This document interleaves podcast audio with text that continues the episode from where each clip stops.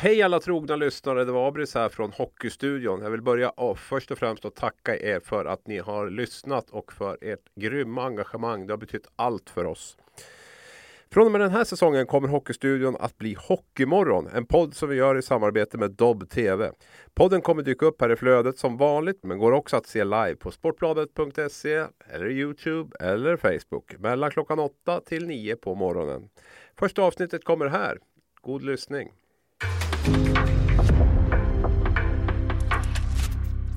En podcast från Aftonbladet. Avsnittet presenteras av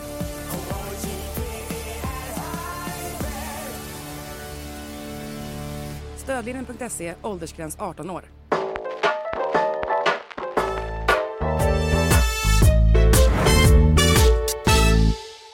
Vi säger god morgon, varmt välkomna till denna nya säsong av eh, Hockeymorgon. Eh, och just den här säsongen så har vi flyttat in hos eh, Sportbladet. Vi kommer att sända två avsnitt varje vecka nu i inledningen av säsongen.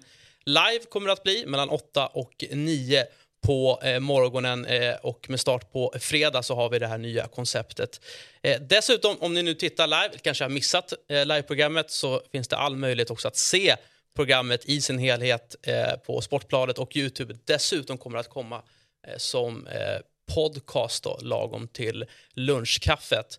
Mitt namn är Kristoffer Kviborg, jag kommer vara en av programledarna i Hockeymorgon och eh, jag inleder väl då med att välkomna lite hockeymatcher som vi lägger ihop här med Hans Abrahamsson och Thomas Roos. Hur många matcher har ni kommit upp i nu tror du? Ja, för många, får jag säga så i alla fall. Ja, många tycker nog att vi har Ja. varit på för många i alla fall. Sen tycker vi att det är lika roligt att vara där varje gång, men, men eh, det är nog många som är less på oss. Premiär idag, hur är eh, kittlet, pirret i kroppen kring en SHL-premiär? Man är ju lite förväntansfull, man vill se nya superkedjor, man vill se nyförvärven, hur bra de är, håller Linus Omark och så vidare. Så att det är väl tusen tankar som studsar ens huvud som man, vill, man söker svar på kommande tiden. Mm. Ja, vad var det vår tidigare chef Lasse Östling sa när Sportbladet skulle ha premiär? Det var, kändes som kosläpp, va? Det är lite så man känner, släpp pucken liksom. Jag aldrig gillat försäsongen, men jag känner att eh, eh, de blir inte mer intressanta med åren och eh, jag ser verkligen fram emot de här eh, tre poängen som det kommer att spelas om. När det verkligen gäller någonting. Hur, går det redan nu på något sätt att liksom sätta ord på hur stark den här säsongen kan bli? Det kommer ju ändå från en väldigt bra säsong, vi ska återkomma till det, men har du någon uppfattning där? Ja, alltså vi tappar ju ofta rätt många spelare, men det som, det som är positivt nu är att vi får ju tillbaka minst lika många attraktiva spelare och det handlar ju mycket om det som har hänt i Ryssland och KL, att det längre inte är något alternativ för de allra flesta i alla fall ska jag väl säga. Och eh, det tycker jag gör att eh, om inte SHL blir bättre så är det i alla fall inte sämre liksom, utan tidigare har vi ju devalverats på spelare. Nu tycker jag att det blir ganska mycket 50-50. Eh, till och med lite plus skulle jag säga. Sen är en sak som är väldigt synd när, när vi bandar det här, det är på en torsdag, det är matcher ikväll. Varför börjar SHL på en torsdag? SHL ska börja på en lördag. Det ska vara folkfest, det ska Bra vara poäng. soligt och det ska vara utserveringar. Torsdagskvällar ska man inte börja en liga på, tycker jag. Jag tror att det kan bli svårt att sälja biljetter på vissa håll. Men jag tänker så här, torsdagen premiären den är ju kittlande i sig, då har man lördagen kvar. Fast man vill ha det på en lördag. Man, man vill kunna gå och ladda hela dagen, inte fokusera på något Då jobb blir ju och så vidare. kosläppet lite tidigare tänker jag om det är på en lördag också. Ja, nej, men Och så är får du två matcher. Några matcher börjar klockan tre och några, några börjar sex. Nu börjar liksom sju matcher klockan 19. Nej, jag, jag hade väl haft den på lördag. Och det brukar vara på lördag. Jag har sökt svar varför det är på en torsdag. Jag kan bara killgissa att det är på grund av att man, man vill hinna med x antal matcher innan slutspelet ska börja i april Men, men ändå, trots det, då, alltså succé i fjol med, med nästan 2,2 miljoner totalt då, i åskådarantal, eh, högsta någonsin. Eh, finns det anledning att tro att, att det går att bräcka? Jag var ju eh, fundersam över hur publiken förra året skulle ta sig an. Utan Stockholmslaget Ja, men också tilläggas. utan, eh, vi hade skenande el, elpriser, vi hade drivmedelspriser som var gigantiska. Eh, vi hade en inflation med, med dyrare matvaror och så vidare. Så jag trodde att klubbarna skulle få jobba ännu hårdare än, än de gjort någonsin för att få publiken till arenorna. Men jag hade ju jag hade bevisligen fel. Det gick ju ganska bra. Eh, vad det beror på? Ja, det är väl att SHL är en produkt som många verkligen vill se live fortfarande. Mm, och lite eh, bastning då, jag som är från Stockholm tillhör ju den skaran som alltid säger att eh, ja, men SHL utan Stockholmslag, det är ju liksom halva grejen har försvunnit. Och trots det så är det de här publiksiffrorna. Eh, är det så att Stockholmslagen har hamnat lite nu i ja, men i, i skymundan och att det ändå funkar som produkt ändå. Alltså på lång sikt så tror jag att man behöver ha Stockholmslag. Sen är inte jag, jag är ingen Stockholm överhuvudtaget, det hör ju alla. Men, men alltså jag tror att på lång sikt behöver ligan Stockholmslag. Men däremot så är ju SHL är ju otroligt starkt ute i landet, i de här mellanstora städerna. Där är ju hockeyn kung så att säga. Där, där, där är det, det är det man går och tittar på. Ska man lägga kronor på någonting under månaden som man har över så är det ofta hockey. Där träffas man, där, det är där man vill, vill vara. Så att eh, på så sätt så, så berörs ju inte SHLs publiksiffror så där jättemycket på kort sikt tror jag av att det inte är Stockholmslag. Men det är klart att intressemässigt eh, på lång sikt så tror jag att det är eh, viktigt att det kommer Stockholmslag. Det händer väldigt mycket när man är pro Stockholm, när man, när man säger någonting att ja, men SHL behöver Stockholmslag och så vidare. Men det finns ett djup i den diskussionen som, som, som handlar bland annat om att Stockholm är den största talangfabriken av, av nya unga hockeyspelare. Och de tror jag behöver ha närhet till, till den högsta ligan, alltså kunna gå på Hovet eller Avicii och se sina idoler. Och där tror jag man tappar lite om, om de kanske mm. väljer fotbollen istället för hockeyn. Ja, och sen de stora mediehusen ligger i Stockholm. Vi kommer inte ifrån det. Alltså det, det är det här man sitter. Alltså det, det, det här besluten fattas. Så det är klart att det, eh, det påverkar också. Eh, någonting som slog mig när jag satt och gick igenom lagen inför den här säsongen var antalet eh, återvändare, hemvändare. Mm. Eh, väldigt många eh, och, och, starka namn, tidigare poängkungar. Jag tänker att med anledning av det att vi, Abel, ska titta lite på den här listan du har publicerat. Inte alla 40 Nej. bästa nyförvärven, du får hålla på en vecka. Eh, vi nöjer oss med dina topp fem. Vi kan väl mm. börja på, på femte plats då. En av just många återvändare, Simon Ryfors, Rögle. Eh, som eh, öste in poäng i AHL eh, och nu är mm. tillbaka. Ja, absolut. En spelare som jag tycker har allt det här med, med liksom, kan spela fram, kan göra mål själv, tvekar aldrig att göra det defensiva jobbet, liksom ett bra shit i en, i en kedja, håller ihop, gör andra bättre. Jag tycker att han är väldigt komplett och han har tuffat på där två år i AHL och det är inte alla som gör det och gjort bra med poäng också. Det tyder också på att det är en mentalt väldigt stark kille och jag tror att han är ännu bättre nu när han kommer hem. Mm. Hade du haft med Ja, alltså sådana här listor är så intressanta. Uh, vad är en bra, eller de bästa värvningarna? Uh, de här spelarna som du kommer med på topp 5 är ju färdiga stjärnor, alltså Tre Kronor-spelare som kommer hem. Jag tycker ibland att man ska väga in hur mycket har man betalt för en spelare, det vill säga uh, Ole Strandell är kanske lågavlönad och HV71, Viktor Lodin samma sak i Oskarshamn kan de hamna med i en lista på grund av att de är billiga men levererar alltså lite mycket poäng bang, per krona ja, då? Mycket bang for the bucks. Mm. Och det är ju givetvis något man har med. Man väger ju in det och det finns ju spelare med på listan som, som man till och med motiverar med att det är en, en billig spelare. Vi kan ta Liam Ögren, kan ta Carl Lindbom, alltså den typen av spelare finns ju med där. Eh, dels på grund av att de är väldigt skickliga men också för att de har en väldigt låg prislapp. Så det är självklart något man tar med. Men tittar man generellt så betalar ju inte SHL några toklöner för de här bästa spelarna. Jag kan ju tycka att Linus Homark är värd det dubbla. Jag kan tycka att Henrik Tömmernes eh, kan få det dubbla i Schweiz. Så att jag menar, de är ju, alltså, I en hockeyvärld så är de lågavlönade skulle jag säga här i, i SHL. Mm. Eh, på fjärde plats då eh, har du ju eh, Max Verno som eh, är tillbaka i Leksand. Eh, är det en 60 poängsgubbe igen? Ja, det är ju det största frågetecknet på topp 5, det ska jag ju villigt erkänna. Och det, det är väl, den kan nog få äta upp skulle jag tro. Så, som du var inne på, man bedömer honom mycket efter hans eh, säsong för två år sedan. Eh, stukad, AHL-säsong, skadad, det är ju jättevarningsklockor runt det. Men på något sätt vill ju hockeyälskaren i mig att Max Verino ska spela som han gjorde när han var som bäst. Och Max har ju inte spelat en träningsmatch på hela säsongen så att det är ett väldigt stort frågetecken på mm eh, vilken leverans han borde vara spelsugen om andra Jo, men han, är, är han frisk, har han mm. tempot i sig, ja. håller axeln. Mm. Och det ska jag väl säga att hade den här listan gjorts idag så hade han nog inte varit topp fem. Just för det Thomas är inne på. Försäsongen har varit minst lika stort frågetecken som de frågetecken jag räknade, radade upp här innan. Oskar Lindberg eh, i Skellefteå eh, har du som trea på listan. Eh, han har väl varit borta i mer än tio år va? Ja, det måste det ju vara med, med Nordamerika först och, och, och, KL och Schweiz sen. Så att jag har inte exakt, men, men alltså absolut. Men det är ju, jag såg det senast i VM här, det är ju en jätteskicklig spelare. Alltså det, det är ju, mm, ja. jag, tyckte han nästan var Tre Kronors bästa spelare. Ja, ja, snudd på. Var ju också otroligt viktig när de vann guld i Köln var det väl 2017 när vi var där har jag för mig. Eh, spelade med Bäckström och Nylander har jag för mig då. Och eh, det är ju det är också spelare som är inne på Ryfors med. Han, han, han, eh, där får du hela paketet. Mm. Och han kommer också hem. Han har ju valt att köpa ut sig på något sätt från sin klubb i Schweiz. Han kommer ju hem, han är inte 37, eh, utan han är i en ålder där han fortfarande kan leverera något år till. Så att, eh, han, kanske, han skulle mycket väl kunna vara etta på listan. Ja, absolut. Men det är väldigt tuff konkurrens. Ja, det är det. Vi ska komma till Ja. din eh, topp två. Då. Eh, Tömmernes tillbaka också. Eh, har ju vunnit redan SM-guld med Frölunda, men det är ju en, definitivt en toppklassspelare.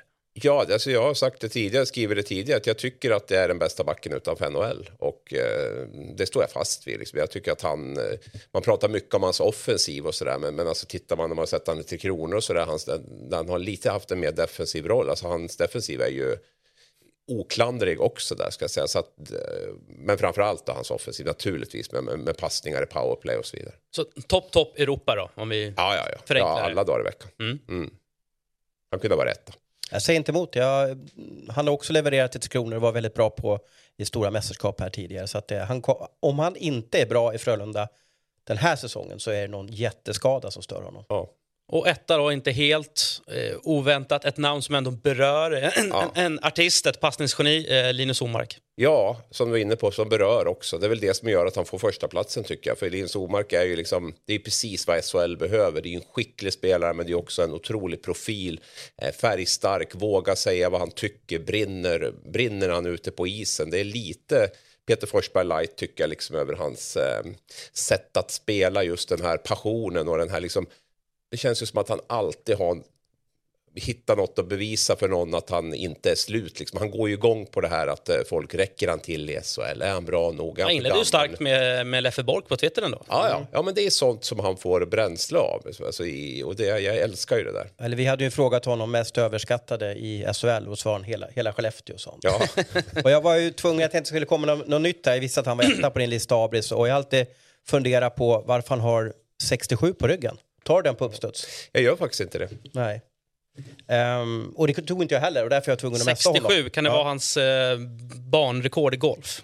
Nej, det, då är han väldigt bra på golf. Eh, jag gissade på, uh, Sörensen hade ju 66 för att hylla om det var sin pappa eller mamma som var född 66. Men eh, han hade ju 30 i Luleå innan han åkte över till Nordamerika. I Edmonton så slängde de åt honom en tröja och det blev just 67. Och då gillade han liksom dubbel digits och liksom hur det såg ut och sen har han behållit 67 då. Så att då har man ju fått svaret på den frågan. Bra. Det är därför du är här. Exakt. För att ge oss den, den typen av information. Eh, någonting som alla människor älskar att göra det är ju att tippa sluttabeller. Eh, i, Tycker du också det är roligt eller? Ja, men rätt kul Ja. ändå. Ja. Eh, jag eh, huserar väl mer kanske med tipsen i de lägre hockeydivisionerna. Eh, och tror alltid att AIK ska sluta högre upp än vad de gör. Men eh, nu ska vi snacka SHL och för er som ändå jobbar med det här jag kan först och främst tänka mig att det kan bli lite marigt för att menar, de här tabellerna ska ju in också i tid. Det finns deadlines och man kanske vill sitta och vänta liksom till två timmar innan nedsläpp. Men, eh, så ni får ta det lite för vad det är och vill ni ändra er så ja, ni har faktiskt möjligheten att skicka in lite brasklappar. Jag tänker att vi börjar med mästarna, eh, Växjö Lakers, eh, som Ros har trea och Abris har fyra. Eh, men de vinner ju guld vart fjärde år. Alltså de har, eh, är det 12 säsonger i SHL har vunnit tre gånger va? Mm. Det finns ju en trend visserligen att när de väl vinner serien då vinner de guld. Så att kommer de tre eller fyra så, så vinner de ju inte guld. Då. Så vi får se om våra tips... Men för att vara ett, ett mästarlag, Ja. eh, regerande mästare, så är det inte jättemånga som, som tror att de går hela vägen. Nej, och det brukar vara extremt svårt att vinna två år i rad. Så att det är väl en del i mitt, eh, i mitt tips att jag rankar ner dem lite grann. Det andra är väl att jag tycker man tappar några riktigt bra backar där med inte minst Lukas Bengtsson då, men, men även Hardy Herman Aktell, eh, Mika Koivisto till viss del och sådär. Så att det är väl, man hade ju ett fantastiskt eh, spel från bakplan förra året med, med, med den backuppsättning man hade. Jag tror man hade tre backar som gjorde 30 poäng eller mer. Eh, Evertsson sa någon gång att det kommer nog aldrig att hända mer i Lakers historia. fick ju behålla Larmi också. En, en Ja. guldmålvakt brukar alltid få chansen i Nordamerika. Nu har, han, nu har Larmi varit i Nordamerika kanske är lite bränd eller att klubbarna tycker att ja, men vi har testat honom då. Men ofta så brukar guldmålvakten sticka från guldlaget. Det är till och med fyra SM-guld eh, på, på 12 säsonger, så det har varit tredje år. Eh, Jag tänker lite en sån som Jörgen Jönsson ändå, som har eh, gjort och vunnit allt, som också vinner alltså sin första säsong. Vad blir, alltså, vad, vad blir hans motivation? Blir det just det där att det är så pass svårt att försvara SM-titeln? Han är ju som vinnarskalle så han vill ju vinna varenda match, varenda månad, varenda år. Alltså det, det där är ju bara vinna, vinna, vinna handlar om. Och Jörgen vann väl, vad var det? Eh, OS-guld, VM-guld, SM-guld under samma säsong. Va? Och enda att- spelaren i historien som Ja, det. ja, så att jag menar han är ju inte direkt killen som, som äh, lägger sig ner och, och dricker champagne efter en seger. Så att, äh, så att nej, det, det tror jag är det minsta problemet. Sen, sen finns det ju en problematik i att liksom få laget att att brinna lika mycket, vilja lika mycket, vara lika dedikerad året efter. Det är, det är inget att snacka om. Men är det något lag som ska lyckas så är det väl kanske Växjö. Mm. Cool fact a crocodile can't stick out its tongue. Also, you can get health insurance for a month or just under a year in some states. United Healthcare short term insurance plans, underwritten by Golden Rule Insurance Company, offer flexible, budget friendly coverage for you. Learn more at uh1.com. Eh, Skellefteå eh, har ni på fjärde plats, Ros. Eh, eh, Abris, du tippar femma. Eh, och det finns lite osäkerhet kring Skellefteå. Naturligtvis ungefär 500 poäng som försvinner från Jocke Lindström. Eh, och vad händer med Oskar Möller? Dessutom hade vi hela den här Kenny Agostino-gaten då, där, där man fick backa i och med att han då skulle värvas in från ryska KHL. Eh, det låter inte som de bästa förutsättningarna för en kalassäsong för Skellefteå. Och ska man följa experternas tips, om, om vi nu ska kallas för experter, jag vill hellre kalla för journalist.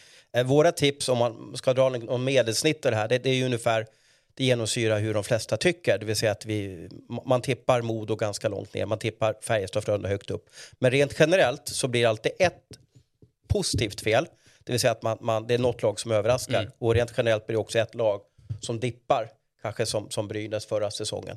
Eh, så att om man tittar på den här tabellen och kanske håller på Linköping då som de flesta har tippat relativt långt ner så finns det alltid ett lag som jag säger som kommer att överraska. Det, så är det generellt sista åren att, att experterna har alltid fel på ja, två lag. Ja, Och ska vi nämna kort om Skellefteå så är det ju jättebra målvaktspar när Lindvall tillbaka, jättebra backuppsättning, seriens bästa centersida. Det är väl ytterforwardsplatserna som jag är lite fundersam på. Jag tycker det ser ganska tunt ut där. Vi har Möller borta, troligtvis ska kanske hela säsongen. Jag, jag tror inte han kommer tillbaka. Nej, och vilken form är han när han kommer tillbaks? Om han kommer tillbaks. Jocke Lindström borta. Så det är väl lite grann där då ehm, som mina frågetecken är. Mm. eh, ändå Oskar Lindberg som jag nämnt då, eh, Ja, tillbaka. Oskar Lindblom, Per Lindholm, det är ju två liksom, ja, nästan första och andra center i Tre Kronor. Så att det är ju Jonathan Jonsson bakom där. Så att det är ju en eh, Hugg, Hugg gillar jag. ramstark. Ja, jo, det är absolut. Så att eh, nej, de, de, eh, de kommer bli bra Skellefteå. Sen om de blir tvåa eller femma eller etta, det, det är svårt att säga. Och här eh, tar vi oss till eh, ja, men rikaste klubben, Färjestad. Eh, och här är tipsen goda. Eh, Abris, du har dem som etta i serien och att de är en SM-guld. Ros, du tippar dem som tvåa. Eh, vinna serien och SM-guld. Bra kämpat ändå. Eh, vi var ju på upptaktsträffen här förra veckan eh, och 90% av alla tror ju att det kommer handla om Frölunda och Färjestad den här säsongen. Eh, och det vore kul med en final mellan Färjestad och Frölunda. Det var väldigt länge sedan vi hade de här två stormakterna som får spela de sista matcherna på säsongen mot varandra. Det är väl, ja, vi har Malmö, Rögle, vi har Luleå, Skellefteå, med Färjestad, Frölunda skulle jag nog säga att det är det hetaste mötet i SHL just nu. Så att eh, det vore ju jättelockande. Ja, framförallt när de också båda är topptippade. Eh, om vi kollar lite bara mer inåtgående på Färjestad. Alltså, de har ju pengar, de har cash. Blir det lite knackigt här i starten? Öppnar Wallin plånboken då eller nöjer han sig med det han har? De har ju en backskada på Wikstrand som, som man inte riktigt vet vad som händer. Men, men när jag pratade med Rickard Wallin sist så sa de att de här kommer starta eh, säsongen. Eh, och sen har, som du säger att de har pengar, men, men jag tycker laget ser så gediget och intakt ut så jag, jag har svårt att se att de ska hamna i ett krisläge. Och man har ju åtta backar även utan Wikstrand där. Och det är väl forwardsidan om man har 14 alltså etablerade forward får vi ändå kalla Lemi Ögren också ingår där. Alltså nu har vi två skador på både Ögren och Åslund så det är klart man börjar bli lite tunn där om det blir ytterligare någon skada. Men Wallin visade ju förra säsongen att han handlar inte bara för att han har pengar. Det var ju nästan, han drog det ju nästan till absurdum förra året fast de hade så mycket skador så, så vägrade han nästan att värva. Sen var väl marknaden skral också då, men han, eh, han är inte den som, som, som handlar bara för att. Mm. Vi tar oss vidare. Eh, Örebro, eh, semi i fjol. Eh, de flesta verkar väl tro på någon form av eh, mittenplacering. Här är väl den stora knäckfrågan, alltså succémannen Leo Karlsson. Eh, vad ska de hoppas på här? Att han inte riktigt färgar i, i Anaheim och sen får en säsong till i SHL. Vad tror du kommer hända med Karlsson? Ja, ehm, Anaheim vill ju ha koll och kontroll på alla vad, vad som sker. De har ju lagt ner, lagt ner väldigt mycket tid och resurser på honom. Man, man valde att nästan byta upp då honom. Han var ju tippad att gå som nummer tre i draften där. Eh, om han kommer tillbaka så vet jag inte riktigt om det är det bästa för honom. Vi har Mika Zibanejad, vi har William Eklund. Det finns många exempel på killar som har gått tidigt i draften som har kommit tillbaka men inte vill komma tillbaka utan vill stanna där borta. Så kanske de ska spela JVM. Nu går JVM i Göteborg. Men, men jag tror det bästa för Leo Karlsson, tvär alla örebroare, det är att han stannar i Nordamerika och få liksom leva in i det, det spelet som finns där borta. Mm. Eh, ni har dem båda som sjua i, i era tabeller. Eh, Hedberg är ju in från, eh, från Mora där han eh, var väldigt uppskattad. Och sen då Niklas Eriksson som helt plötsligt har blivit sportchef. Finns det någon, alltså, finns det någon varningsflagg kring en sån lösning? att... Ja, nej, alltså jag tror inte att det är så. Det är klart att det finns, eh, jag, jag är väl mer fundersam hur kommer samarbetet Stefan Nyman, Johan Hedberg fungera? Stefan Nyman väldigt stark eh, assisterande tränare som har haft stort inflytande under Niklas Erikssons era där. Nu kommer Johan Hedberg in och vill sätta sin prägel på laget. Jag är kanske lite mer fundersam där hur det kommer att, eh, att fungera mellan två väldigt starka ledare och personligheter faktiskt. Alltså, de, de är ganska bra kompisar vid sidan om isen så att jag tror att de kommer synka hyfsat. Ja, vi får se vem som får rätt. Eh, Timrå, nia säger Ros, sexa säger Abris. Eh, ja, så fort jag tänker på Timrå, förutom att eh, hockeyhallen ligger ute i skogen, så tänker jag ju på Jonathan Dahlén. Och det är, väl, det är väl hans uppgift här att på något sätt sätta tonen för hur det går för Timrå. Och här är väl kanske ett lag som jag kanske höjt lite eh, efter den här försången. De har ju gått som en, som en raket på försången. Eh, eh, jag har svårt att se att det laget ska komma så långt ner. Där skulle man vilja vara en vindflöjare och ändra sitt tips då, men jag får väl stå i mitt kast här lite. Ja, det är nog risk att du hamnar fel där tror jag. Timrå har otrolig kontinuitet också. Jag tror man har fått in två spelare, Filip Hollander och Tim Ewell. Va? I övrigt så har behållit det laget som var väldigt bra redan förra året. Och vi måste ju också nämna Anton Lander när vi pratar om Timrå. Jag tycker väl på något sätt att det är han som, är, som leder det här laget och gör det på ett helt otroligt bra sätt. Sen står ju Dahlén för den här lilla akkuratessen och, och, och eh, jag har gått ner några kilo nu också. Jag tror att han eh, kommer utmana Omark om poängtitel. Anton Vedin är tillbaka också. Ja, han är lite småskadad igen nu, men, han, eller han är, men de hoppas ju få tillbaka han, eh, spela fler matcher än förra säsongen i alla fall. Ja. Eh, och Frölunda då, såklart, eh, som, som tippas högt upp. Eh, ja, tvåa från dig och Abris då, eh, Ros. Eh, både etta i serien och SM-guld. Om vi sätter det tipset då i, i, eh, ja, parallellt mot att Färjestad eh, ska vinna, vad, vad du ser att Frölunda har som då inte Färjestad ska? Jag tycker de har varit så modiga eh, när de under sin silly att de väljer att ta bort de här spelarna som har passerat Zenit. Kanske lite som i Färjestad, vi har Per Åslund som har passerat sin Zenit.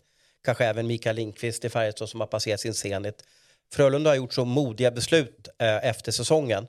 Eh, och det tror jag kommer slå väldigt väl ut för dem. Att man väljer att göra generationsväxling, tar in eh, Klingberg, eh, Rydal, Strömvall. Alltså man, man har en ny Färjestad kärna, eller en Frölunda-kärna som jag tror har varit helt, helt korrekta beslut att ta. Men det är väldigt modigt gjort av dem, för det är så svårt att kicka Ryan Lash som en ikon på läktaren. Ja. Eh, och det känns ju nästan unikt när man nämner att en tränare gör sin elfte säsong med tanke på hur det ser ut i sportvärlden eh, under 2000-talet. Men det gör ju faktiskt Roger Rönnberg. Hur, hur lång blir den där sagan egentligen? Ja, alltså den kommer inte ta slut än på några år, det tror jag inte. Nu vet jag inte om kontrakt är 25 eller 26. Ja, något av det i alla fall. Alltså, jag tror han kommer att fullfölja sitt kontrakt här, det är jag övertygad om. Sen är det ju väldigt fascinerande att den här rebuilden sammanfaller med Joel Lundqvists uttåg. Då. Det säger väl ganska mycket om att eh, när katten är borta dansar råttorna på bordet. När Joel försvann då var det fritt fram och även kapa bort det andra som man inte ville ha. Han har ju haft väldigt starkt inflytande tror jag i, i hur Frölunda har, har skötts. Han sa ju det Rönnberg på upptaktsträffen att han tyckte det var skönt att, att Joel var borta. Sen vet jag inte om han skämtade eller om det fanns liksom lite sanningar där. Jag vet ju att Joel är ju en, precis som, som brorsan Henrik, väldigt noggrann med detaljer. Han kunde ha synpunkter på hur bussen stod när de skulle åka på en bortamatch. Och det där kan ju bli, bli jobbigt för sportchefen, tränare, om en spelare går in. Sen säger man ju inte emot Joel, det är väl han som bestämmer i svensk hockey, om jag förstått det rätt. Då. Men han var, detaljer älskade han och vrida, vrida, vrida så blir jag bättre. Men det kan ju också slå lite fel, att det, att det kanske blir jobbigt att ha honom. Mm, vi får se hur det går eh, eh, för Frölunda då, utan Joel. Eh, vi tar oss vidare till eh, Oskarshamn som eh, ja, men åtminstone jag tycker har varit kanske det laget, om man vill se liksom underhållande hockey, då, då väljer jag nog att slå på en Oskarshamn-fight eh, här. Eh, Ros, du säger 11, Abris, du säger 9. Alltså det har hänt en hel del. Eh, Somela har ju lämnat, eh, nya målvakter, eh, så det finns anledning att tro att det inte blir fullt så offensivt ös då, eh, nere i Oskarshamn den här säsongen. Jag tror att vi kommer få se lika, likvärdigt Oskarshamn. Alltså de, de spelar ju på sitt sätt och det, det, det innebär ju att man tar, tar vissa risker. Man, man, man, man spelar mycket tape to tape som man säger med, med pucken. Man, man är liksom konstruktiva, man vill, man vill skapa mycket. Tycker väl utmaningen ligger och se till att inte släppa in 5-6 mål eh, så man slipper göra 6-7 mål för att, för att vinna så att säga. Det är, och det är väl där man hoppas på, på Mark Langhammer. Man har ju suttit och funderat på det. Tänk hur, hur bra skulle Oskarshamn vara om de hade haft en riktigt bra målvakt. Jag har ju inte varit helt såld på Joe Canada liksom, som, som första keeper där. Så att det ska bli intressant att se om, eh, om Langhammer är den målvakt de hoppas på. Och sen har man ju Karlqvist kvar också. Han Ja. gjorde ju trots allt 61 pinnar, så att det, det är ju inga dåliga siffror. Jag har aldrig sett Oskarshamn göra ett fult hockeymål. Jag tycker att det är vackra hockeymål rakt igenom där. Och jag, jag läste någon också sammanställning att i Oskarshamn får man, får man mest poäng för, för pengarna. Det vill säga när man går på en hockeymatch, man har räknat med biljett, vad biljetten kostar och vad en korv kostar och så vidare. Så att går man på hockey i Oskarshamn så får man liksom mest valuta för pengarna. Och du får ganska mycket på poäng per ja, investerad krona också om vi tittar på, på vad de lägger på sin trupp sett var de hamnar i tabellen och sådär. Så att de, de gör otroligt mycket bra i Oskarshamn och eh, Med små medel. med små medel och inget. Nu har man ju också kommit upp. Nu kan man värva från en liten annan hylla. Nu plockar man hem, hem Oskar Engsund. Nu vinner man Mark Langhammer. Nu tar man hit Lukas Jacek till exempel. Va? Så nu, nu eh, spelaren märker att det är väldigt, väldigt bra klubb att vara i om man vill eh, få en bra säsong på CVt. Eh, ni har båda eh, Leksand eh, på 10. Det känns som att man skulle kunna prata Leksand i, i två timmar ungefär med tanke på det kaos som, som har varit här under, eh, under sommaren. Eh, Alltså inte bara med, med tränaren då, eh, Björn Hellkvist men också det som har eh, skett eller inte skett i styrelserummen. Eh, hur mycket kommer det här påverka Leksands säsong? Jag tror ingenting faktiskt. Jag tror spelarna kanske har funderat lite på varför tjafsar de i styrelserummet. Eh, men eh, eh, en, en IF-styrelse är ganska långt ifrån verksamheten i, i, på hockeyn. På gott eller ont kan man ju diskutera också. Det som, det som är det största problemet för Leksand är att de har haft väldigt mycket skador på försäsongen. Så man har ju inte spelat med ordinarie lag. Och så är det ett väldigt stort frågetecken för Mark Rivik. Var han liksom one season wonder eller är han fortfarande en av SHLs bästa spelare? Eh, där förväntar jag mig en del svar under hösten. Och dit kan du väl lägga Peter Cehlárik och Max Verino också. Det är ju frågetecken runt dem också. Funkar de här tre spelarna? Då kommer ju Leksand naturligtvis att vinna fler matcher än de förlorar. Men eh, det är ju väldigt mycket frågetecken om dem. Sen håller jag inte alls med Thomas med styrelse. Jag tror att, jag tror att skiten rinner neråt. Är det inte ordning högst upp så, så speglar det också av sig på trupp och lag. Sen kommer de alltid att säga att det inte påverkar. Men oavsett om det är Leksand eller en annan förening. De föreningar som har ordning och reda högt upp, de är också framgångsrika på isen. Mm, men alltså trots ändå, ni har ju nämnt Verno, alltså det var ju ändå ligans MVP, eh, öste in mål eh, säsongen 21-22, men ni tycker ändå att det är ett litet frågetecken kring Han har ju inte spelat hockey på länge och åkt över till San Jose. Det funkar inte alls. Eh, Han har haft någon problematik med överkroppen eh, och det har han ju fixat till. Men eh, en riktigt hård tackling igen, vad händer då med, med hans axlar? Eh, och, och sen tror jag självförtroendet är viktigt. Han, han kom ju in i svensk hockey, gjorde succé i Oskarshamn, gjorde su- succé i Leksand och sen tillbaka till Barracudas i Nordamerika och det bara varit platt fall. Det är, nog, det är inte bara så lätt att studsa upp då. Alltså, SHL är en liga där det behöver vara liksom en bra daglig verksamhet under, under lång tid för att vara framgångsrik. Och det är där, det har inte han varit på, på länge. Så att han, har, han, har, en- han har mycket att jobba med. Mm. Eh, Rögle, eh, ett lag som har gått som en raket. Eh, om vi tar bort eh, fjolårsplaceringen så eh, kommer de ju ändå från att vara 3, 2 och 1 då, från säsongen 1920 hela vägen till 21-22. Eh, och har ju kontinuitet också med Abbott-bröderna då, som tränare och sportchef. Eh, också ett lag som jag personligen tycker också spelar en väldigt underhållande hockey. Och, ja, men kul att, att knäppa på tv när Rögle spelar. Det är kanske den roligaste arenan och, och, och speciellt på en lördag och se en hockeymatch i. För det, det är gåshudstämning där nere.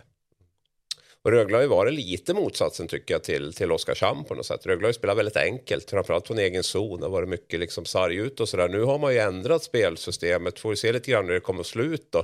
Eh, Kamabot säger ju själv att det är mycket hans assisterande tränare och klubben i sig som har, som har velat gjort de här förändringarna. Att han har anpassat sig och tycker att det är ett bra beslut. Men Rögle vill spela mer med puck. Man har fått in väldigt skickliga centrar i Ryfors och Abol Så att det finns ju en poäng i att och, och försöka hitta dem mer. Eh, så att det blir, det blir spännande att se. Men förra säsongen var ju ett riktigt bakslag mm, jämfört med vad vi är vant vid under Abbott. Mm. Abols är lite rolig för han hade ju en ganska svag höst där i Örebro och så, och så gick han förmodligen väldigt tidigt till Rögle. Nu på försäsongen har han sett hur het som helst ut. då. Så det ska bli intressant att se om han kan krossa sitt poängrekord. Ja, eh, AB står de som trea, eh, Ros eh, som eh, sexa. Eh, och så Luleå då, eh, där du Ros tänker en femteplats, AB du tänker en åttonde plats. Eh, och där har vi ju snackat mycket om, om, om Omark. Om man ska nämna någonting som inte handlar kring Omark då, vad... Jag måste fråga, ångrar du dig? Eh, både och. Jag satt och tänkte på det just när du frågade nu faktiskt. Du såg det på mig kanske. Men, så här, men, men något lag lär man ju ranka ner där. Och på något sätt tycker jag att Örebro och Timrå är svåra att att ta neråt där. Och jag, jag är lite osäker på Luleås liksom... Vilka mer än Omark är det som ska göra det? Eh, jag tycker backsidan ser tunn ut. Eh, både numerärt och, och även lite grann namnmässigt. Eh, jag är lite osäker på Pontus Andreasson. Blir han lika bra? Hur funkar de här allsvenska spelarna? Pasic, Lilja i SHL? Ja, man har ny check där, Sadral eller... och- eh, Nej, jag vet inte. Det är något som, som skaver lite grann. Det är ett enormt hockeysug där uppe kan jag säga. De sålde slut på biljetterna på bara några minuter och eh, de pratar om det BSTL igen då, Bucklan ska till Luleå och så vidare. Så att där uppe så är det, jag vill inte kalla det för hybris, men det är ett bra självförtroende där uppe. Vi har också skrivit om Joel Lassinantti att det är någonting som stör honom. Eh, inte kunnat stått som han ville under försäsongen, hade körtelfeber förra säsongen. Alltså det, det är ju ett dråpslag för, för Luleå om han inte når upp till, till normal kapacitet. För han är ju mycket... Det, Luleås spel bygger mycket på att Lassinantti är bra. Ja. Ryan Reynolds here from Mint Mobile. With the price of just about everything going up during inflation, we thought we'd bring our prices down. So to help us, we brought in a reverse auctioneer, which is apparently a thing.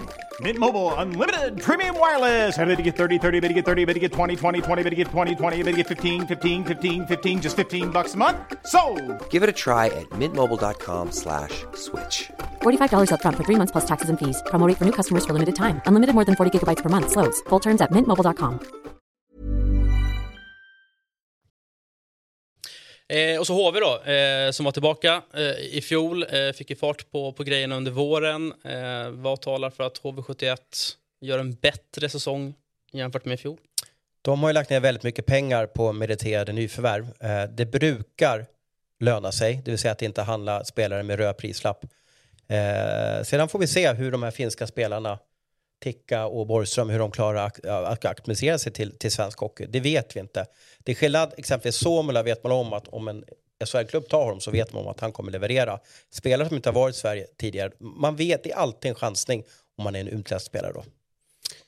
Ja, jag, jag har svårt att se att HV ska ta sig in på topp 8 där. Jag tycker inte man har den stabiliteten. Jag tycker värvningarna, ja, men jag tycker rätt mycket frågetecken. Men framförallt så är ju lite, alltså HV som klubb har ju svajat rejält de senaste åren. Och jag tror att det behövs en stabilitet först och främst för att liksom kunna vara med och mäta sig med, med topp 8-lagen. Och försången har inte sett bra ut. Det har ju varit en katastrof nästan. Nej, det som talar för HV är möjligtvis den starka avslutningen och man kan ta med sig saker från den där med Ortius målvaktsspel. André Petersson var ju magisk där. Alltså att man, om nu Borgström blir den här första center, jag är inte så säker på det. Jag skulle hellre se att Petersson hade kanske en mera eh, Per Lindholm-typ med sig. Borgström är ju mer lite lirare om man säger så. Så att jag, eh, ja, vi får se. Men jag, jag tror inte att de blir topp 8. Nej, men jag har båda tippat i alla fall att de undviker den direkta eh, bottenstriden. Svårt att se det med, det, med de lönerna och de spelarna de, och, och meriterna man har lagt på, på, på nyförvärven. Det, det borde lyckas. Sen tror jag att man har den här killen, Tommy Ticka, eh, där har vi en ny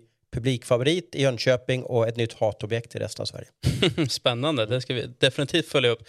Eh, vi tar oss till de tre lagen som eh, de flesta experter då har just då nere i botten. Ett av de lagen är ju eh, Linköping som ja, men kanske har den svagaste trenden över flera år sett till, till SHL-lagen. Och sitter man och läser lite om LHC här så ser man väl inte kanske jättemycket som skulle tala för att den här trenden skulle brytas till den här säsongen. De har visserligen haft en bra försäsong. Vad nu hur viktig en försäsong är, det kan du och jag diskutera om i all evighet. Jag vet att du inte tål riktigt försäsongsresultaten, du tycker att de är helt ointressanta. En bra försäsong borde i alla fall innebära att det är ett lugn i laget, att, allt, att det sitter lite saker, att det blir en trygghet och det kanske är det Linköping behöver. Men, men när man är på liksom när man har varit många år i rad i närheten av att liksom hamna i kval och, och sådär så brukar man till slut hamna där nere. Vi har Brynäs låg pissigt till några år och sen hamnade i, i kval. Eh, men Linköping kan också bli det laget som jag pratade om, så gör en överraskningsresa uppåt tabellen. Alltså jag, jag tycker det är en sån här soft aura runt Linköping. Jag tycker inte spelare blir bättre som kommer dit. Jag tycker inte att man tävlar eh, som man behöver göra för att det är lite bekvämt att vara i Linköping. Man betalar ganska bra. Du behöver liksom inte eh, gå all in på, på, mm, på prestera under matcher och träningar och sådär. Det, det är min känsla. Alltså antingen ska du ha en Cam Abbott eller en Roger Rönnberg som piskar fram det här i gruppen eller också måste du ha spelare som driver det. Va? Och jag tycker liksom kanske att Linköping saknar eh, både och. Mm. Eh, Ros säger 12, Abris säger 13 och så vrider vi på det när vi tar oss till, till Redhawks. Eh, där säger Abris 12, Ros eh, på 13 plats. Eh, Malmö som ändå slog ut Brynäs i fjol eh, och har inför den här säsongen tappat bröderna Sylvegård. Eh, här eh, är det många som tror att det, att det blir Malmö som får lämna tillsammans då med, med Modo. Mm. Malmö kanske är det laget som jag tycker är mest svårtippat av alla lag i den här, i den här säsongen. Eh, man har ju slängt bort eh, eh ja, ungarna Sylvegård och behållit pappa Sylvegård i laget.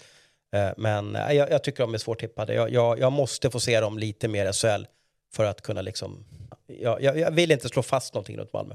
Nej, det naturliga tipset är väl ett kvalplats på Malmö. Jag, jag valde väl Linköping för och det var väl liksom ja, 50-50 där. Eh, fördelen med Malmö tror jag att ändå att man vet vilket typ av lag man måste vara för att undvika kval. Jag tror att man är ganska medveten om att man... Eh, det finns en, alltså en, att man är en, en bottenklubbsidentitet där? Lite så, tror jag. Och, och allt att vinna kanske där igen. Ja, och blir man där hardworking-laget, hårt jobbande laget med Fredrik Hennemark som leder där med bara by exempel så, så, så tror jag att man kan kriga sig, undvika en kvalplats. Mm. Och sen har de gjort det väldigt enkelt för er själva. Ni tog bara det hockeyallsvenska eh, laget och, och, skickade dem på, på jumboplats här. Eh, tippas 14 i tabellen av er båda två. Tillbaka efter sju eh, eh långa ökenår i hockeyallsvenskan. Eh, varför blir Modo sist? Ja, det är klart svagaste laget på pappret tycker jag. Nu har ju det visat sig att det har inte varit lika med att åka ut. Om vi tittar på Djurgården, HV, Brynäs, de tre senaste lagen som åkt ur så har ju inte det varit på pappret det svagaste laget. Så det talar väl för Modo. Men eh, här och nu så tycker jag att man har eh, för många spelare kvar från det laget som eh, tog upp Modo. Det är ju ett tufft läge när man gick upp, eh, var det första maj man gick upp? Eller? Ja, sista april i alla fall. Ja, precis man, man kommer upp så sent och ska ge sig ut på spelarmarknaden och sitter på väldigt mycket kontrakt. Man, man blir av med, med 6 miljoner i, i uh, centrala intäkter uh, jämfört med andra SHL-lagen. Man är ett steg efter. Man är ett hockeyallsvenskt lag som ska försöka på någon månad bli ett SHL-lag. Uh, eh, många lag misslyckas med det.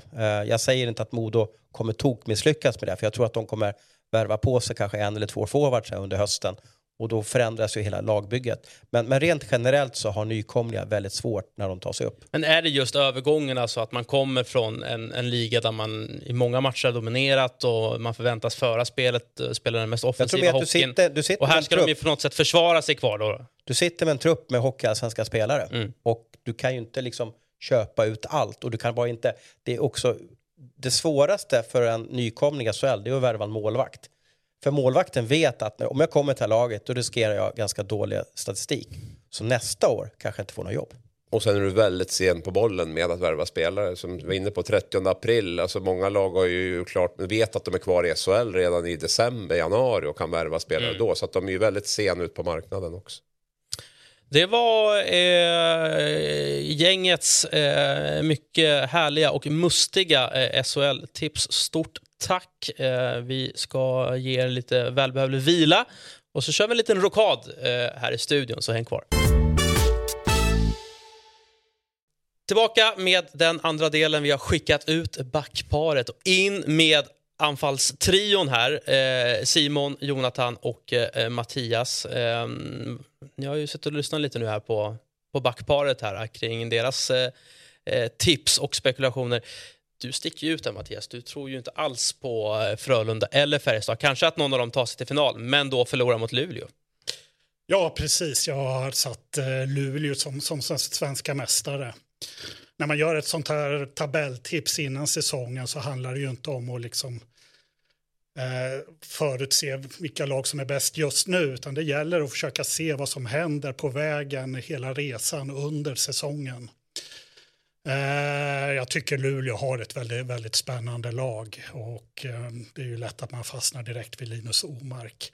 Och det är inte bara att han är bra, utan han kommer ju betyda så oerhört mycket för, för de andra spelarna. Han kommer ju betyda så mycket för, för hela laget, för, för alla fansen när det gäller hans pondus och det självförtroende han kommer in i, i det här laget med. Um, sen tycker jag att det finns flera intressanta nyförvärv. Andreasson självklart och det ser ut som att Omark och Andreasson har kvar kemin på, på försäsongen. Uh, de höjer också Tyrväinen igen i, i, i den kedjan. Uh, Hardegård, Eklind kommer göra jättestor nytta för Luleå och, och uh, de här uh, spelarna från Hockeyallsvenskan, uh, Lilja och Pasic. Uh, jättespännande och Men- stor potential tror jag. Det står väl ändå och faller lite då med misstänker ändå på vilket humör kommer Omark vara här över 52 plus slutspelsmatcher. Det finns ju ingen tvekan när det gäller Linus Homark överhuvudtaget att, att, att, att han inte kommer leverera. Mm. Eh, Jonathan, eh, du tror inte på Luleå. Eh, Frölunda väljer du då eh, före Färjestad eller är det de två du tänker ändå? Jag har ju faktiskt tippat Luleå i final mot Frölunda. Ja, du har gjort det. Ja. Mm. Mm. Vore kul med en repris på finalserien från 96. Kanske blir lite mindre blodigt nu då, men där tror jag ändå att eh, Frölunda tar hem det. De eh, har ju radat upp stjärnnyförvärv. Sen eh, kan det väl ta ett tag nu i och med den här generationsväxlingen som de har gjort. Så jag tror att de kommer växa mer och mer ju längre säsongen går. Lite samma med Luleå också som jag tippar sexa i grundserien. Sen tror jag att de kommer växa när det vankas slutspel. Det känns som att det ligger i Luleås DNA. Simon, eh, du var inte betrodd med att få lägga in ditt tabelltips. Men vi vill hemskt gärna höra vad du tror om, eh, om, om vi börjar med grundserien. Ja, jag tror Rögle kommer... eh, Jag tror de vinner grundserien. Känns som en sån, sånt lag med Abbotsbröderna som kommer gnugga igång och liksom vara bra från start. Men sen tror jag nog en final mellan Färjestad och Frölunda, alternativt Färjestad-Skellefteå, tror jag. Nu är det helgardering här. Men, men eh, jag tror Färjestad vinner guld. Faktiskt. Det är så pass bra lag. Bästa forwardsuppsättningen i hela, i hela SHL. Så att, eh, Färjestad vinner guld och sen blir det Frölunda eller Skellefteå i final. Och i, i kvalet, ner? Jag tror till skillnad från herrarna här att, eh, precis som Abris, jag tror att Linköping eh, kommer där nere med, med Modo och att Linköping druttar ur faktiskt. Jonathan? Eh, Malmö kvalar mot Modo och eh, åker ur. Malmö åker ut. Ja. Mm. Eh, och sen, jag gillar ju direkt här Mattias, du sticker ju verkligen ut här. Oskarshamn, hur i all sin dar ska de lyckas med att åka ut? Ja, Ja, jag tycker inte att de är lika sköna som alla andra. Jo, det är, det är lätt att, att skärmas av, av Oskarshamn. Och, eh, men någon gång måste det komma ett bakslag. Det, är- det är stor omsättning på, på spelartruppen igen. Och man kan inte alltid lyckas hitta Somela och Schmeichel och, och så vidare. Jag, jag tycker nog inte att det här laget är, är lika bra. Och att någon gång så, så, så, så Ja, går, det, går det bakåt. Ja, turen har runnit ur alltså helt enkelt från, från IK. Jag brukar nästan alltid tippa Oskarshamn sist. Men, Ja, det är en tradition alltså. Ja, ja då förstår jag. sådär imorgon. och jag brukar ju alltid ha fel, så att, eh, där får de väl ta med sig där. Det får de absolut ha med sig eh, för er som håller på Oskarshamn. Eh, upptaktsträffen är ju alltid intressant. Eh, ni var ju där naturligtvis. Eh, Simon, eh, du intervjuade en mängd, eh, framförallt lagkaptener. Eh, hur tänker man kring en sån här upptaktsträff? Vet man om liksom inför att jag behöver få de här tre, då blir det bra content? Alltså de hade ju rätt mycket folk på plats. Det är, förut har det bara varit lagkapten och sportchef. Nu skickar de ju lite blandat. Jag snackar mest med lagkaptenen förvisso, men det finns ett par, gäng, ett par gubbar där som är sköna. Eh, Jonathan Pudas, eh, han sticker ut på, på många sätt, men han blev ju omnämnd av många som den de stör sig mest på. Och det handlar väl mycket om att han sna- gnäller, snackar med domare.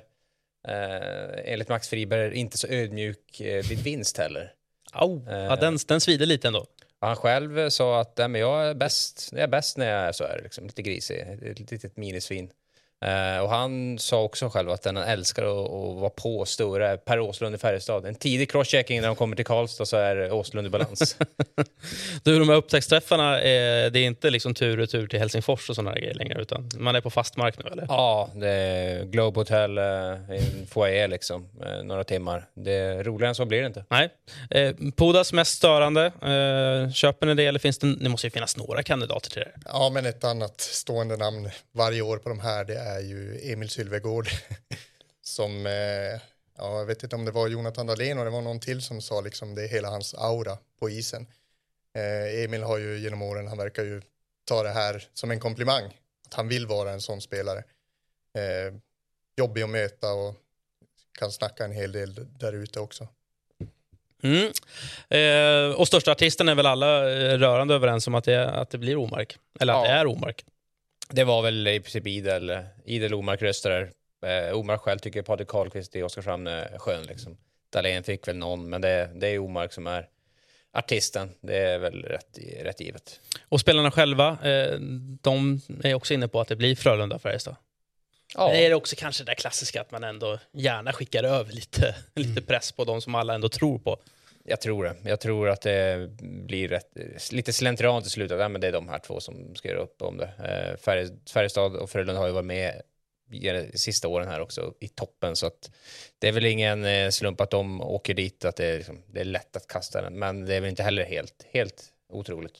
Jag pratade ju med Vilmos Gallo i Linköping och han stack ut lite. Han trodde ju stenhårt på, på Timrå. Tycker jag att både spännande och ett kul val. Mm. Timrå är ju verkligen på uppåtgående. Ja, har ju kanske den som tillsammans med Omark potentiellt skulle kunna vara den största artisten i, i Jonathan Dahlén. Absolut. Några andra intryck ni tar med er från upptaktsträffen? Något som är jättekul det är ju att vi, vi hade ju med oss vår manager-tävling, vi ska väl prata mer om den sen här, eh, Dream Team och lät spelarna själva ta ut sina Dream Team. Ah, okej. Och det är ju jättekul att och, eh, stå, och stå bredvid och se och när de pratar och resonerar och diskuterar med varandra. Man får ganska mycket sågningar av en Var det mycket spel- gnäll kring prislapparna misstänker jag, eller? Ja, det är det ju också. Och sen säger du ju ganska mycket om spelarna själva när både Mattias Bromé och Linus Omark, det första de gör är att ta ut sig själva. Ja, men det, det hyllar vi ändå naturligtvis. Omark sa också, fan det var ett fyndpris på sig själv, dyraste spelet. Ja du Omark. Eh, men ja, jag hade också tagit ut mig själv om jag var Linus Omark, definitivt. Eh, regeländringar är ju alltid ett par få eh, inför, eh, inför säsongen. Eh, det som ändå jag tycker har varit mest intressant här är ju det här undantag vid kvittning. Eh, där tidigare säsonger så har det ju nästan varit tvärtom, att man gärna ser att det blir tre mot tre eller fyra mot fyra. Vad jag misstänker för att få en offensivare hockey och mer mål. Det frångår man helt här. Nu ska man spela fem mot fem till den mån det går. Ja, det tycker jag är negativt. För som du säger, främjar ju offensivt spel med en gubbe mindre på isen. Sen är väl SHL överlag en sån liga, när väl, fast du ändå får ytorna känns det inte som att lagen alltid tar den. Men jag tycker att det är en signal åt fel håll i alla fall att vi ska kvitta till så många, så vi alltid är fem. Eh, Jag hade gärna sett att vi hade behållit eh, fyra mot fyra. Vad tycker ni om det? Jag håller med Simon att, att det är lite tråkigt att det blir mindre spel fyra mot fyra.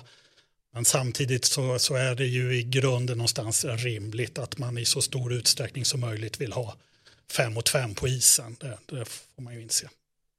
Och även större straff eh, kan tas bort eh, med videogranskning. Det är också en av de sakerna som det snackas om. Ja, det är väl bra att rätt ska bli rätt, bara vi inte hamnar liksom i mer åt fotboll och VAR-hållet, att eh, det kommer tittas ännu mer och ta ännu längre tid för redan nu så kan ju till exempel målvideogranskningar dra ut rejält på tiden. Känns väl ändå som, jag tycker det är en bra poäng just med, med, med VARs intåg i fotbollen och som, som framförallt vi i Sverige är ju väldigt stora motståndare kring. Men att hockeyn ändå har, alltså de har fler år med att spelet ändå bryts. Det har ju varit mycket med, med videogranskningar kring mål och så vidare. Att den övergången kanske inte blir lika svettig som på en fotbollsläktare. Eh, däremot så köper jag ju liksom oron kring det att man vill inte ha tre videogranskningar per period heller. Nej, vi har ju till exempel inte coaches challenge som finns i NHL och i VM och så vidare där man kan hitta upp en offside innan ett mål liksom och så tycker jag vi ska ha det, att man inte ska utmana domslut. Ja, det känns för mycket tennis för mig just det där med, med challenge. och, och att man nästan så här pliktskyldigt kastar in den med två minuter kvar för att man har den. Mm. Det är olika på sporter och sporter också. Hockey har ju naturligt sina avbrott eh, kontinuerligt men det får ju inte ta för lång tid och man måste ju kunna jubla efter mål och så vidare. Ja, coach challenge, just det, men hur långt ska man backa och så vidare. Det, då, där vi, vi är på fotbollen högst flux om vi börjar med coach challenge. Det är jag livrädd för. Eller varför inte börja med alltså, public challenge, crowd challenge. Hemmaklacken får, får slänga in en, en vit näsduk med två minuter kvar och Ja. utmana. Ja, det hade varit något. Det hade kunnat hända. Mycket mer intressant. Ja, ja. Det, hellre det än att någon liksom videogök uppe på hyllan ska sitta och, och ringa ner till båset, absolut. Ge inte CHL några idéer nu. De har ju några nya eh, regler till den här säsongen, bland annat gör man mål i boxplay så blir man ju fulltaligt eh, och så vidare. Så jag trodde att det var ett eh, skämt när man läste det, men ja, de tänker i nya banor. Ja, på tal om att man vill ha mer offensiv hockey då. då det känns som att det, det kommer ju då alltid att ringa i ett, i ett PP eller ett boxplay då, om, om det lag som ska försvara sig ändå är så pass sugna att, att, att gå till attack. Då. Eh, match penalty tas bort eh, för alla som inte liksom kan alla begrepp. Eh, vad, vad innebär det rent konkret? Det innebär ju att, eh, att det bara då att ma- matchstraffen är game misconduct. Match penalty så blev det ju, om domaren tog det på isen, så blev det ju automatiskt en match avstängning. Minst ja. Ja, precis. Och det, det är väl också rim, väldigt rimligt att, att domaren inte delar ut avstängningar direkt på isen. Allt ska skötas av en disciplinnämnd då helt enkelt. Man hamnar väl ändå där i slutändan att det granskas av disciplinnämnden, så det är väl lika att ta allt det efter, efter matchen. Mm, man kan också få fem minuter för roughing. Tidigare var det 2 plus 2 utan då game misconduct. Eh, en annan sak kring det som slog mig var just att eh, jag kan ge ja, men dig Jonathan en femma, och så får Mattias en 2 plus 2. Då ska det upp en etta på tavlan. Det här Ja, kommer bli, ja, det kommer bli, eh, det tror jag många kommer att reagera på. Förutsatt att det inte redan sitter andra spelare i Mm. båset eller att det är flera spelare som ska visas ut. Men just i en sån situation då, då kommer ettan upp helt plötsligt. Har man aldrig sett. Nej, där blir det ju kvittning ju, fast i minuter. Ja. Spännande. Jag antar att det blir, man får hålla igen med nävarna då i ett slagsmål och inte ta på sig femman och klara sig undan med två plus två då blir intressant att se hur de bedömer det. Om det är någon som kommer få en femma och någon fyra minuter i en intern uppgörelse. Finns det någon alltså, regel som ni känner bara rent spontant att det här, det här borde de ha ändrat på också, eller tagit bort? Inte spontant, och det var ju inte så många stora regeländringar till, till den här säsongen tycker jag inte. Utan, ehm, man har ju synkroniserat eh, vår, vår regelbok med den internationella Mm. regelboken. Och, eh, det, det mesta känns ju ändå väldigt rimligt tycker jag. Dream Team, eh, det kan man lira på Sportbladet. Eh, Aftonbladet Plus gäller för att eh, delta. Spelstopp idag torsdag 19.00. 50 miljoner eh, pix får man på fickan här och handlar för. Det är en bra summa. Eh, och vi nämnde ju nyss eh, superfyndet då, den dyraste, eller en av de dyraste, Linus Omark som kostar 8 miljoner. Eh, utöver Omark och vi har ju Ryfors och Vernon och Karlqvist naturligtvis. Vad eh, tror jag de flesta här som tittar eller lyssnar för den delen vill ha fynden? Kan vi få fynden här? Ja, jag vet inte fan om det är ett fynd, men eh, kolla in Luleås eh, andra målvakt Mattias Ward där. Jag tror han kommer få stå en del eh, nu när Lassinantti har varit krasslig och lite sjuk på förra säsongen. Jag tror han kostar fyra millar om jag är rätt insatt. Och det, det är ett kap. Eh, Nu kontrar jag med Carl Lindbom i Färjestad som bara kostar fyra millar också är då ja, förmodad eller potentiell första målvakt i ett topplag. Så han klickar jag i. Sen är väl risken att det är så jävla många som har honom så man blir inte så unik där. Eh, Jonathan Lekkerimäki i Örebro, tre miljoner. Ett potentiellt fynd, kan säkert, eh, han har ju ett NHL-skott eller vad man ska säga, det är hans absoluta spetsegenskap och kan säkert göra en hel del mål i powerplay, så för den prislappen är han mitt fynd. Innan vi gick in här så gick jag in och kollade på de allra billigaste spelarna. För man, Nu ska det fyndas du. ja, man hamnar ju oftast där att man måste... Man har ju inte råd med alla stjärnor. Nej. Nej, när man måste ha Ja, ja. någon absolut billigast. Och där hittar jag då för två miljoner både Milton Oskarsson i Örebro och Jonas Engström i Oskarshamn. Ehm, Det är ju inga som kommer vinna poängligan på, på något sätt, men båda har sett på olika sätt väldigt pigga ut på, på försäsongen här och eh, det kommer nog komma en del poäng från, från båda och båda kommer få spela. Så att, ehm, måste Mm. man hitta någonting för, för två miljoner så är det två alternativ. Du fyndar ju ändå från det laget du ändå har tippat ur nu. Det betyder ju inte att, att Oskarshamn inte kommer göra några poäng. Men det är klart, det var ju lite motsatt där. Du sa att du, du, det är sällan du sätter det där jumbo-tipset. Då, så att det, det kanske blir tvärtom även här. Då, att det, det där blir det största fyndet då i, i Dream Team. Vem av er tre kommer vinna det här? Det, det känns väldigt eh, öppet på förhand. Ja, men jag, alltså, jag, jag utmålar mig själv här som någon form av eh, vinnare. Jag är lite mer liksom, en lös kanon jämfört med de här herrarna. Det kan dyka upp lite vad som helst i bygget. Men jag gillar den här åka snålskjuts också. Alltså, Tom Nilsson, han kommer spela backpar med Henrik Tömmernes. Lite, andra andras och sånt där. Eh, Billy, eh, också ett fynd. Eh, men jag, eh, jag tror jag blir farlig. Mm. Ni säger inte emot där, eller? Nej, jag blir farlig. Det största hindret är ju om man glömmer bort att byta. Det är liksom det. Exakt. Så, då blir man förbannad och så glömmer man bort att byta nästa också. Då är ju hela säsongen körd. Så det gäller att hålla koll på spelschemat då. Det, det blir ju, ja, vad blir det, 51 bytesstopp då, eh, om, vi, om vi har räknat rätt. Ja. Om det är mellan omgångarna. Sen kan man, eh, om man orkar, kan man tänka till för vissa omgångar spelar ett lag två matcher och så vidare.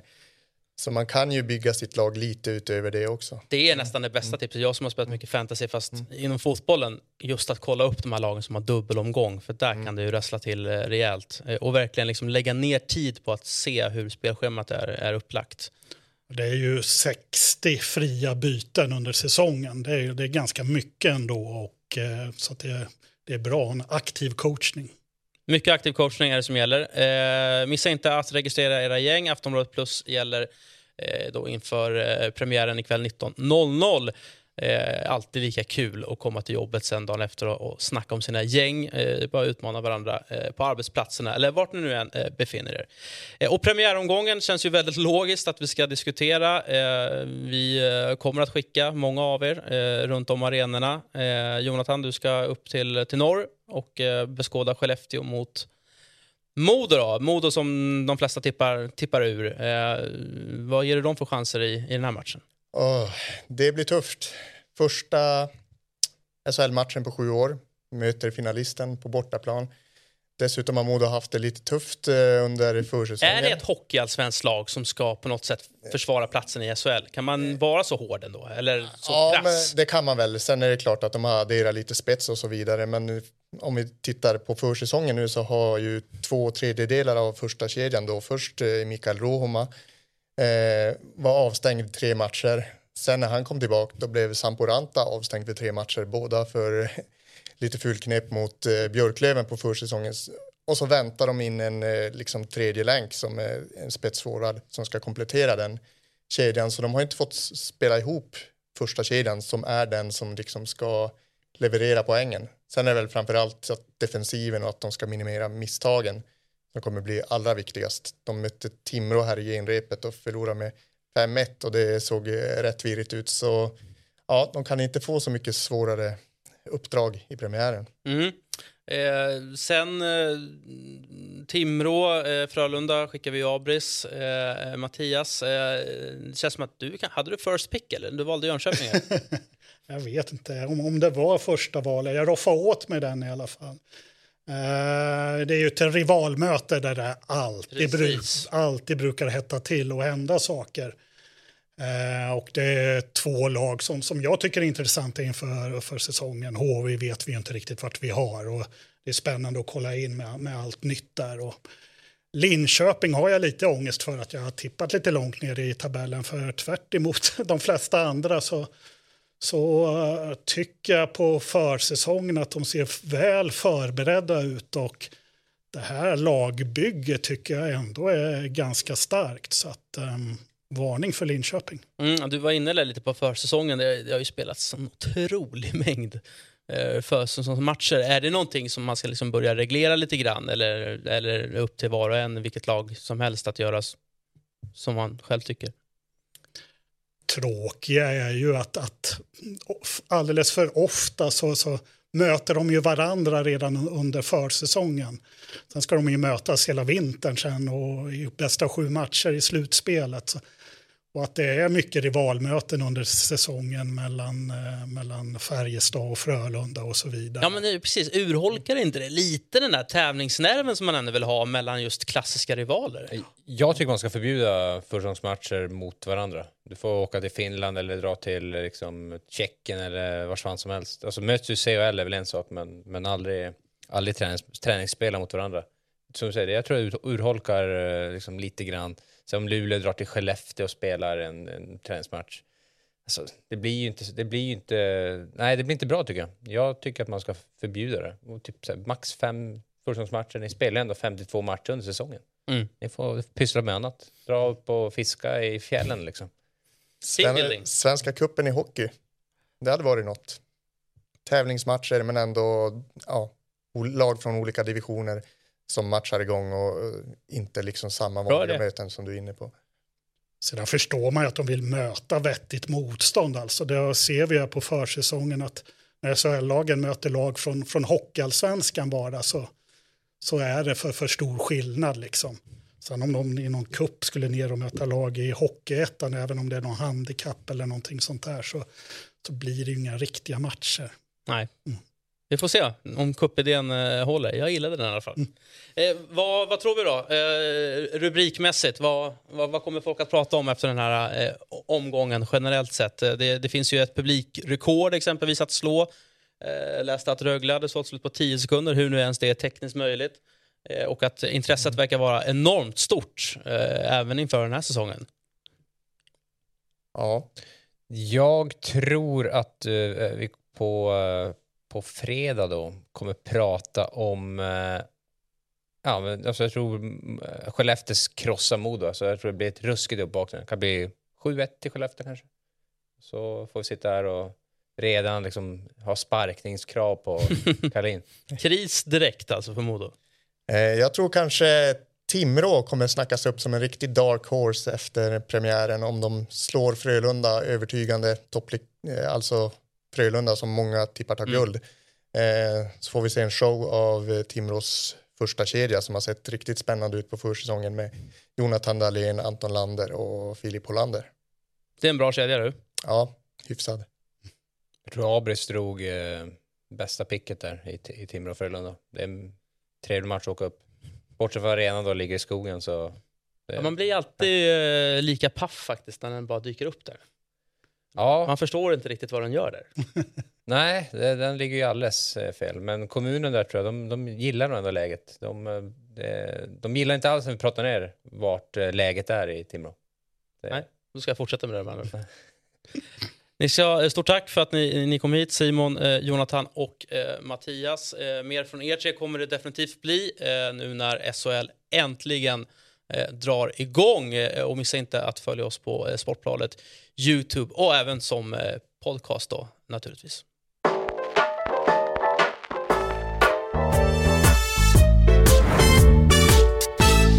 Du har lyssnat på en podcast från Aftonbladet. Ansvarig utgivare är Lena K Samuelsson.